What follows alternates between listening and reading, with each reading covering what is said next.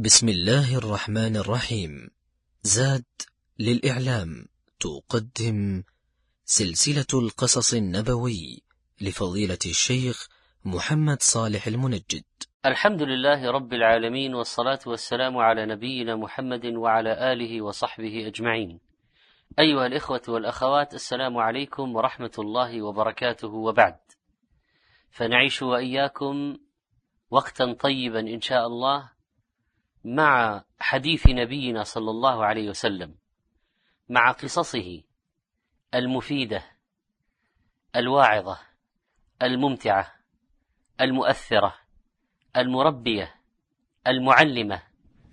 إنها قصص من الوحي أوحاها الله إليه وفيها من أخبار من قد سبق تفيدنا علما وحكما جمالا وجلالا إيمانا وتقى. نحن إذا عشنا مع هذه القصص وأقبلنا عليها بنفوسنا سنستفيد منها فائدة عظيمة إن شاء الله. وهذه القصص إذا عشنا معها بقلوب مفتوحة وأقبلنا عليها بنفوس طيبة فإننا سنستفيد منها إن شاء الله. وقصتنا في هذه الحلقة يرويها لنا الصحابي المكثر من الخير والعلم والفضل الذي هو أكثر صحابي في رواية الحديث عن محمد صلى الله عليه وسلم ألا وهو أبو هريرة عبد الرحمن بن صخر الدوسي. يقول أنه سمع النبي صلى الله عليه وسلم يقول إن ثلاثة في بني إسرائيل أبرص وهو بياض يظهر في البدن يخالف بقية لون البدن وأقرع وأعمى.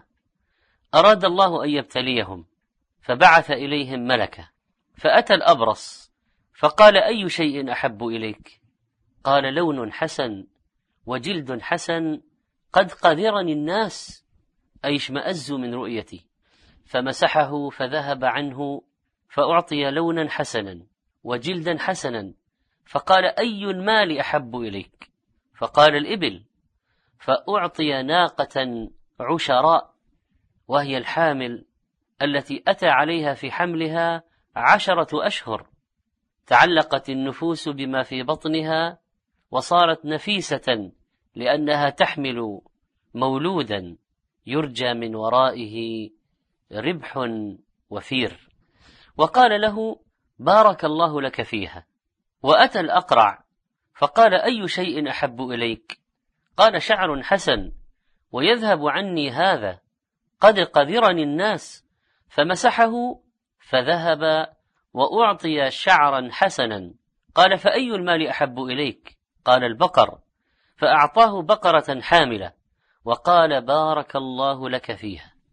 وأتى الأعمى فقال أي شيء أحب إليك؟ قال يرد الله إلي بصري. نلاحظ. هنالك قال لون حسن. والآخر قال شعر حسن.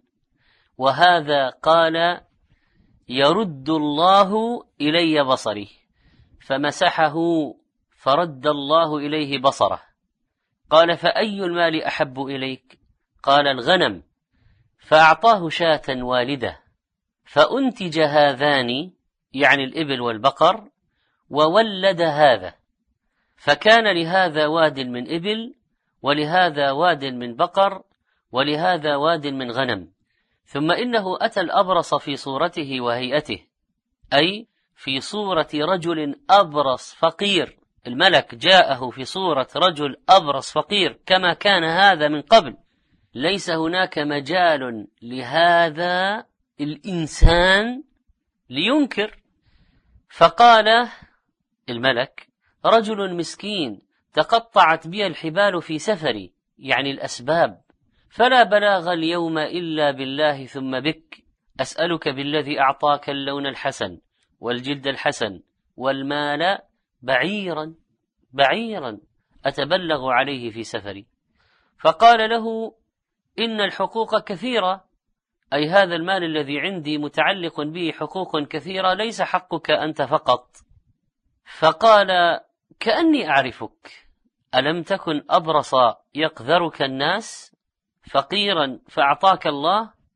وهذه محاولة أخرى من الملك للتذكير. فقال إنما ورثت هذا المال كابرا عن كابر يعني أبا عن جد كبيرا عن كبير فأنا من سلالة عز وشرف. وهذا منه إنكار للنعمة وكفر المنعم. فقال أي الملك إن كنت كاذبا فصيرك الله إلى ما كنت وأتى الأقرع في صورته وهيئته يعني بصورة رجل فقير أقرع كما كان هذا الأقرع من قبل حتى لا يكون هنالك مجال للإنكار. فقال له أي الملك مثل ما قال لهذا أي لصاحبه الأبرص من قبل فرد عليه مثل ما رد عليه هذا. فقال أي الملك إن كنت كاذبا فصيرك الله إلى ما كنت. وأتى الأعمى في صورته. فقال رجل مسكين وابن سبيل فلا بلاغ اليوم إلا بالله ثم بك. أسألك بالذي رد عليك بصرك شاة أتبلغ بها في سفري. فقال قد كنت أعمى فرد الله بصري. قد كنت أعمى فرد الله بصري. وفقيرا فقد أغناني. فخذ ما شئت. فوالله لا أجهدك اليوم بشيء أخذته لله. فقال أمسك مالك فإنما ابتليتم فقد رضي الله عنك والسخط على صاحبيك. رواه البخاري ومسلم. يحدثنا نبينا صلى الله عليه وسلم في هذه القصة عن ثلاثة من بني إسرائيل. واثنان منهما كافران بنعمة الله وواحد مؤمن بالله مقر بنعمة الله عليه. يعرف الفضل ولا ينساه صاحب صدقة ومعروف وإحسان. لقد كان كل واحد منهم مبتلا بابتلاء كما عرفنا. أرسل الله إليهم هذا الملك على صورة البشر وبالتالي يمكن للبشر أن يروه لأن البشر لا يطيقون رؤية الملك على صورته الملكية. وتم تحقيق مطلوب كل واحد منهم كما أراد من جهة حصول المرغوب وتحقق المطلوب زال البلاء وجاءت النعماء وكان المسح من الملك سببا. فالله هو الشافي. كما كان عيسى عليه السلام يمسح على الأبرص والأكمه والأعمى فيشفيهم الله تعالى. كما دعا غلام أصحاب الأخدود لجليس الملك الأعمى فرد الله عليه بصره. الثلاثة في هذه القصة الأول اختار منهم الإبل الثاني اختار منهم البقر الثالث أراد الله أن يرد إليه بصره ليرى الحياة والأحياء وينظر في آيات الله. وسأل الغنم وهي المتواضعة بالنسبة للإبل والبقر. عاد الملك إليهم بعد أن أصبحوا أصحاء أثرياء.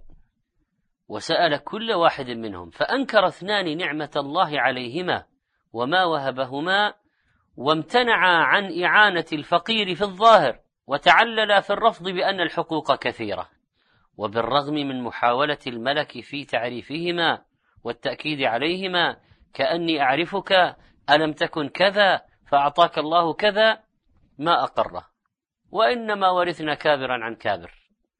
الأعمى كانت نفسه طيبة عامرة بالإيمان والتقوى نظر إلى السائل فذكره بصورته وحاله التي كان عليها.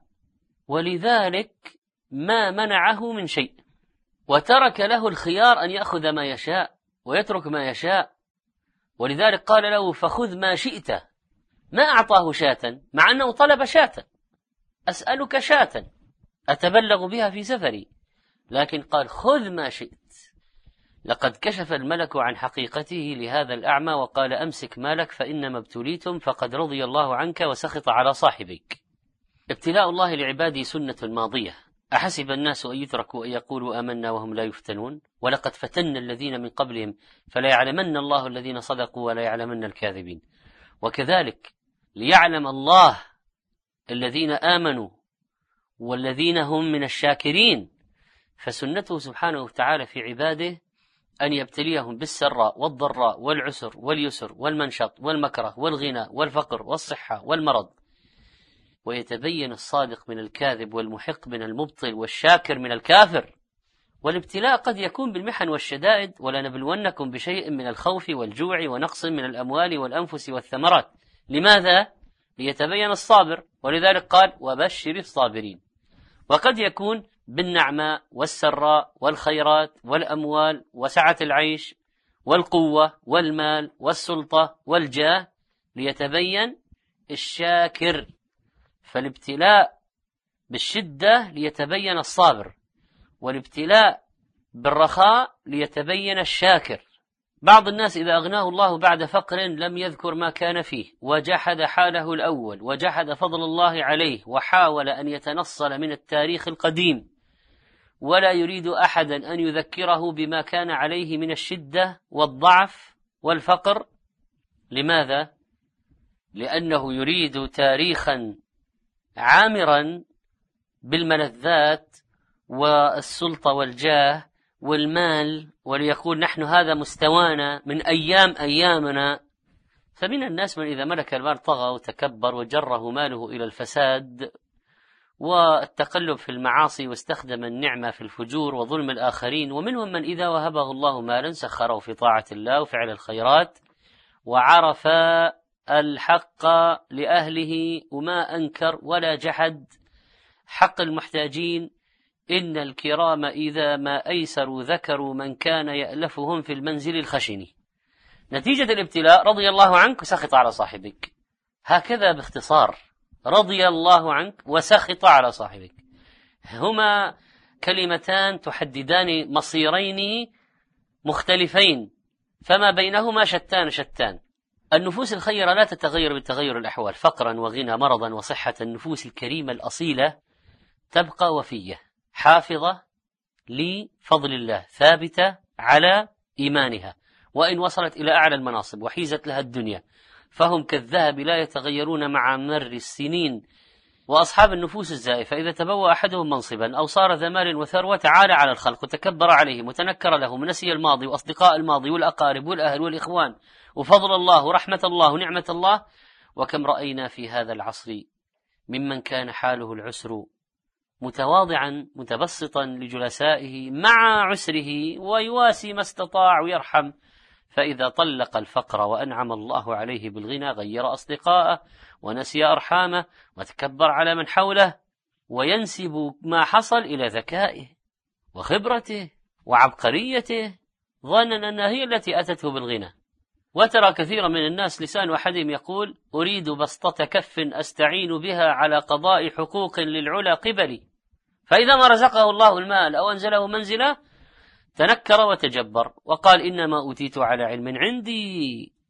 هذا اغترار قارون. المبدأ نفسه. ومنهم من عاهد الله. لئن آتانا من فضله لنصدقن ولنكونن من الصالحين. فلما آتاهم من فضله بخلوا به. وتولوا وهم معرضون. فأعقبهم نفاقا في قلوبهم إلى يوم يلقونه بما أخلفوا الله ما وعدوه وبما كانوا يكذبون. من فوائد القصة التحذير من كفران النعم والترغيب في شكرها والاعتراف بالفضل لله.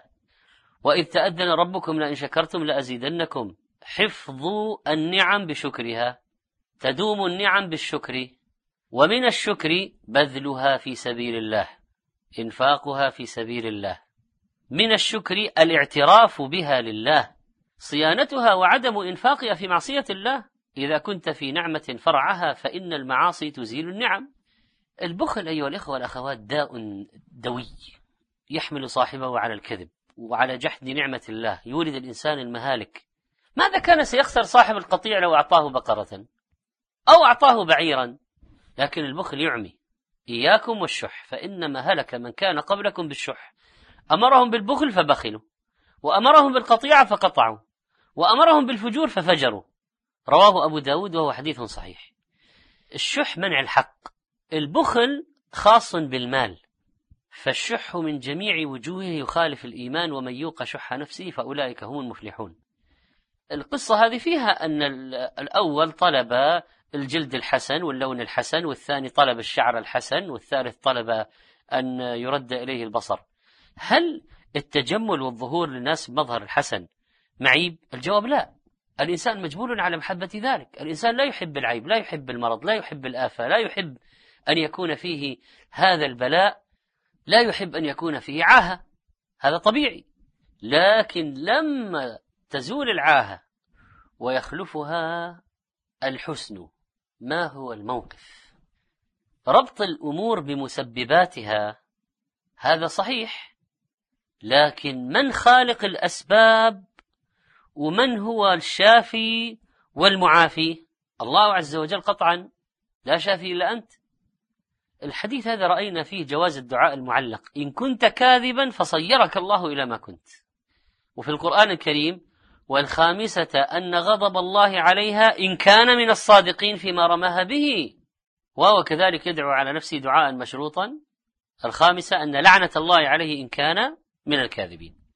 وفي دعاء الاستخارة اللهم إن كنت تعلم أن هذا الأمر خير لي في ديني وعاشي وعاقبة أمري فاكتبه لي ويسر وإن كنت تعلم أن هذا الأمر شر لي في ديني وعاشي وعقب فإذا الدعاء المشروط صحيح. فضيلة الورع والزهد عظيمة. الأعمى حقيقة كان رجلا زاهدا شاكرا. الآخران تعلقت قلوبهما بالدنيا. الحديث رأينا فيه أيها الإخوة والأخوات الدعاء بالبركة. لمن حصلت له نعمة أو اندفعت عنه نقمة. ولذلك قال الملك في دعائه بارك الله لك فيها. وفعلا كثرت كثرت. الحيوانات طباع كما أن الناس طباع. يعني مثلا الجمل فيه أنفة فيه شموخ فيه تعالي فيه كبر فيه حقد الجمل. والغنم فيها تواضع. والبقر بينهما والنبي صلى الله عليه وسلم قال مبينا تأثر الناس بمعايشتهم ومخالطتهم وملابستهم للدواب التي معهم. الفخر والخيلاء في أهل الخيل والإبل والسكينة في أهل الغنم متفق عليه. وفي رواية والسكينة والوقار في أهل الغنم. والنبي صلى الله عليه وسلم ندبنا إلى اتخاذ الغنم اتخذوا الغنم وأن فيها بركة وحثنا على مسح أنوفها وتنظيفها مما يعلق بها وكذلك أخبرنا أن الغنم من دواب الجنة وتكاثر الغنم سريع وفائدتها كثيرة. ومن صدقات الغنم أن تجعل الشاة عند جارك يشرب من لبنها أو يستفيد من صوفها ولو كانت لك وعارية ترجع إليك. من التوحيد أيها الأخوة والأخوات أن ننسب الشفاء إلى الله. قد كنت أعمى فرد الله بصري وإذا مرضت فهو يشفين. الحديث فيه الرفق بالضعفاء الذين انقطعت بهم الحبال في السفر لا يجدون ما يوصلهم بل هؤلاء يستحقون الزكاة. القصة فيها أن كثرة المال ليست دليلا على حب الله للعبد. إذا ما أكرمه ونعمه يقول ربي أكرمن لولا أنه يحبني ما أعطاني. ولو رجعت إلى الله إن لي عنده للحسنى وما أظن الساعة قائمة ولا رددت إلى ربي لأجدن خيرا منها منقلبا. آه، اغترارات اغترارات. الله يعطي الدنيا من يحب ومن لا يحب ولكن لا يعطي الآخرة إلا من يحب. الحديث فيه فائدة دعوية. أننا في دعوتنا للأشخاص لو ذكرناهم بما كانوا فيه لعلهم يذكرون فضل الله عليهم وترق قلوبهم ويؤوبون ويتوبون ويرجعون فإن ذلك أمر طيب. هذا ليس تشهيرا. نحن لن نذكر ذلك في الجرائد ولن نعلنه للناس بدون فائدة. في أول الدعوة بيننا وبين المدعو ألم تكن كذا؟ ألم تكن كذا؟ فمن الله عليك؟ فأعطاك الله. فهذه إذن من الوسائل الدعوية تذكير الناس بما كانوا فيه. رأينا في هذه القصة أن في من مضى من الأمم في أولياء كهذا الأعمى وأيضا في كفرة بخلاء معاندون أهل شح. كذلك رأينا في هذه القصة كيف أن الله سبحانه وتعالى يطمئن عبده المؤمن. فقد أرسل الملك ليقول للأعمى لقد رضي الله عنك وسخط على صاحبك. ومن هنا أيها الإخوة والأخوات نحن ينبغي أن نبشر المحسن ونقول له أبشر بالخير ونسأل الله لك الأجر ونسأل الله أن يتقبل عملك. وعند الاحتضار نذكره بحسناته ونرجو لك الخير وأنت فعلت كذا وكذا وكذا وهذا نرجو لك به عند الله. بخلاف من يجعل بعض الناس يعجب بعمله من كثر الثناء عليه في وجهه ينقله إلى الاغترار وإلى ما يحبط العمل. رأينا في هذا الحديث درسا من الملك في التوحيد بل دروسا ومنها فلا بلاغ اليوم إلا بالله ثم بك. ما قال إلا بالله وبك أو ما قال إلا بك قال إلا بالله ثم بك. وكثير من الناس يخطئون يقول ما شاء الله وشئت أنا محتاج إلى الله وإليك اعتمادي على الله هو عليك. وهذا خطأ. كيف يجعل المخلوق بمنزلة الخالق؟ أنا مثلا أرجو الله ثم أرجوك أو اعتمادي على الله ثم عليك ونحو ذلك كما فعل هذا الملك الكريم. اللهم أحينا مسلمين وتوفنا مؤمنين وألحقنا بالصالحين واجعلنا عند النعماء من الشاكرين وعند البأساء من الصابرين واغفر لنا ذنوبنا أجمعين. استودعكم الله إلى لقاء آخر والسلام عليكم ورحمة الله وبركاته.